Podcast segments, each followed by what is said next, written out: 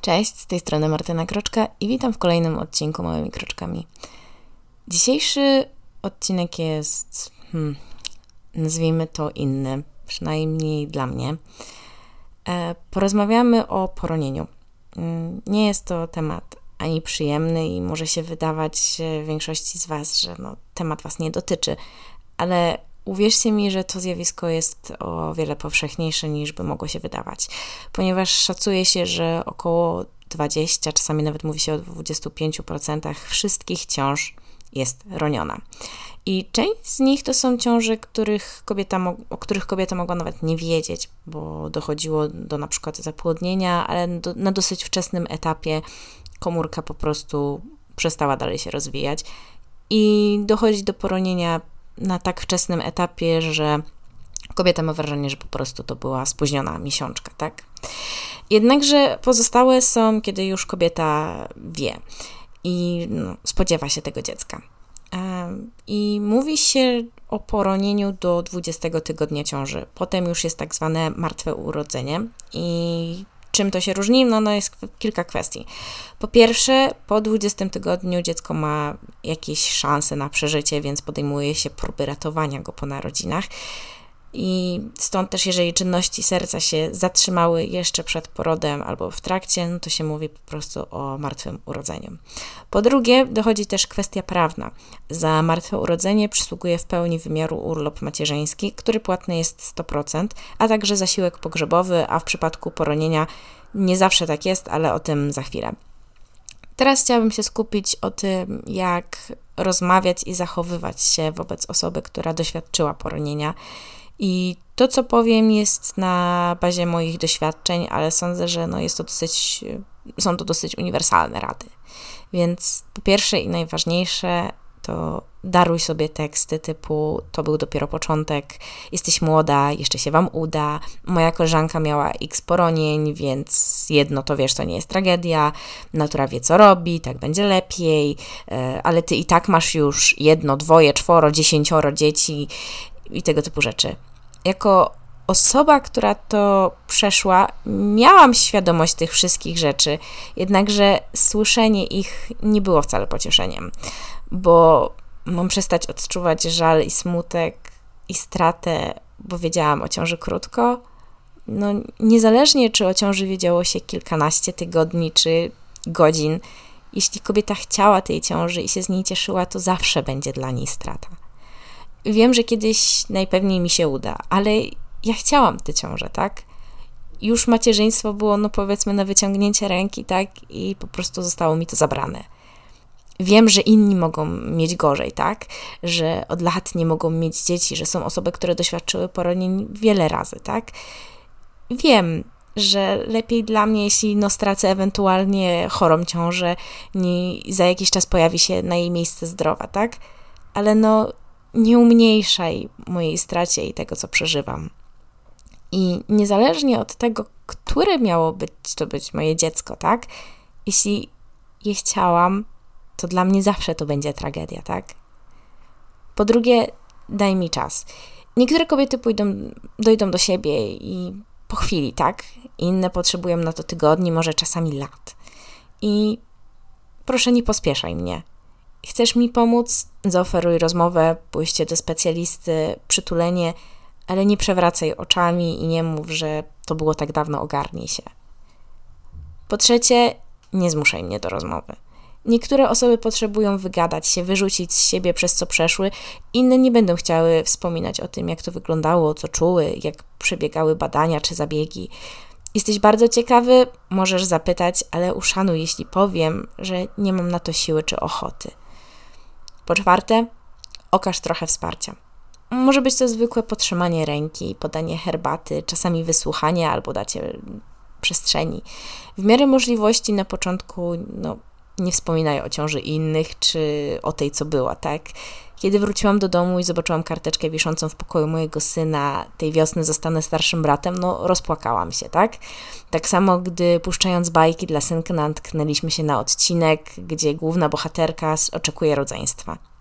Nie chodzi o to, żeby teraz zrobić z ciąży tematu tabu, ale że jeżeli jest taka możliwość, to na przykład zmieńmy bajkę albo temat rozmowy, przynajmniej na jakiś taki czas. I też ważne jest, by wytłumaczyć dziecku, co się dzieje, jeżeli już jakieś mamy.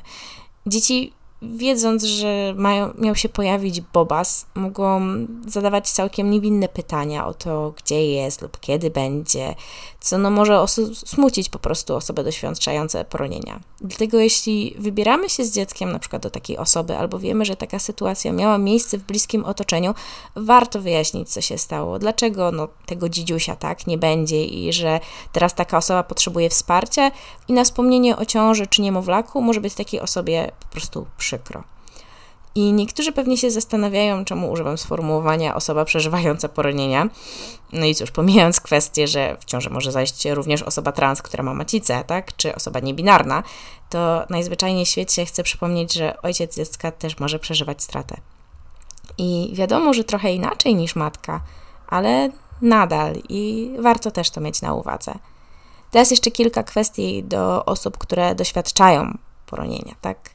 Pierwsze, jeśli czujesz taką potrzebę, to szpital powinien ci zaoferować wsparcie psychologa.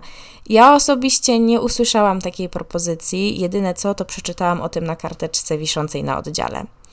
Po drugie, niezależnie od trwania ciąży, jeśli są, nazwijmy to, szczątki tej ciąży, tak, e, mimo tego, że nawet właśnie nie ma takie naprawdę mówienia o ciele, bo jeszcze ciała nie ma, tak, w, w wielu przypadkach. Um, no to można ubiegać się właśnie o kartę martwego urodzenia. I w takim przypadku szpital ma prawo wystawić taką kartę właśnie o ile są takie szczątki, powiedzmy, e, o ile matka wyrazi na to chęci. Jednakże na koszt rodziców muszą być wtedy przeprowadzania badania genetyczne, by chociażby określić płeć dziecka, zwłaszcza jeżeli ciąża była na dość wczesnym etapie i prostu nie dało się tego zidentyfikować. Dzięki temu matce przysługuje w pełni ur płatny urlop macierzyński, zasiłek pogrzebowy, no i właśnie można pochować takie dziecko. Po trzecie, pamiętaj, nie jesteś sama czy sam. Kiedyś byłam w szpitalu, kiedy właśnie byłam w szpitalu, byłam położona w tak zwanym pokoju rozpaczy i nazwę zawdzięczała temu, że ponoć trafiały tam same kobiety, które roniły. I byłyśmy w czwórkę i widziałyśmy, jak każda z nas przychodzi przez podobne rzeczy. I było na, to na swój sposób straszne, ale i wspierające, bo widziałyśmy, że no, po prostu każda rozumie drugą. Mogłyśmy się w tym wspierać, więc jeśli masz rodzinę lub przyjaciół, pewnie oni będą cię próbowali wesprzeć, tak? I będą się o ciebie martwić. Nie miej im za złe, gdy palną coś głupiego, no mimo wszystko starają się jak najlepiej. A jeśli nie masz nikogo, śmiało zwróć się o pomoc.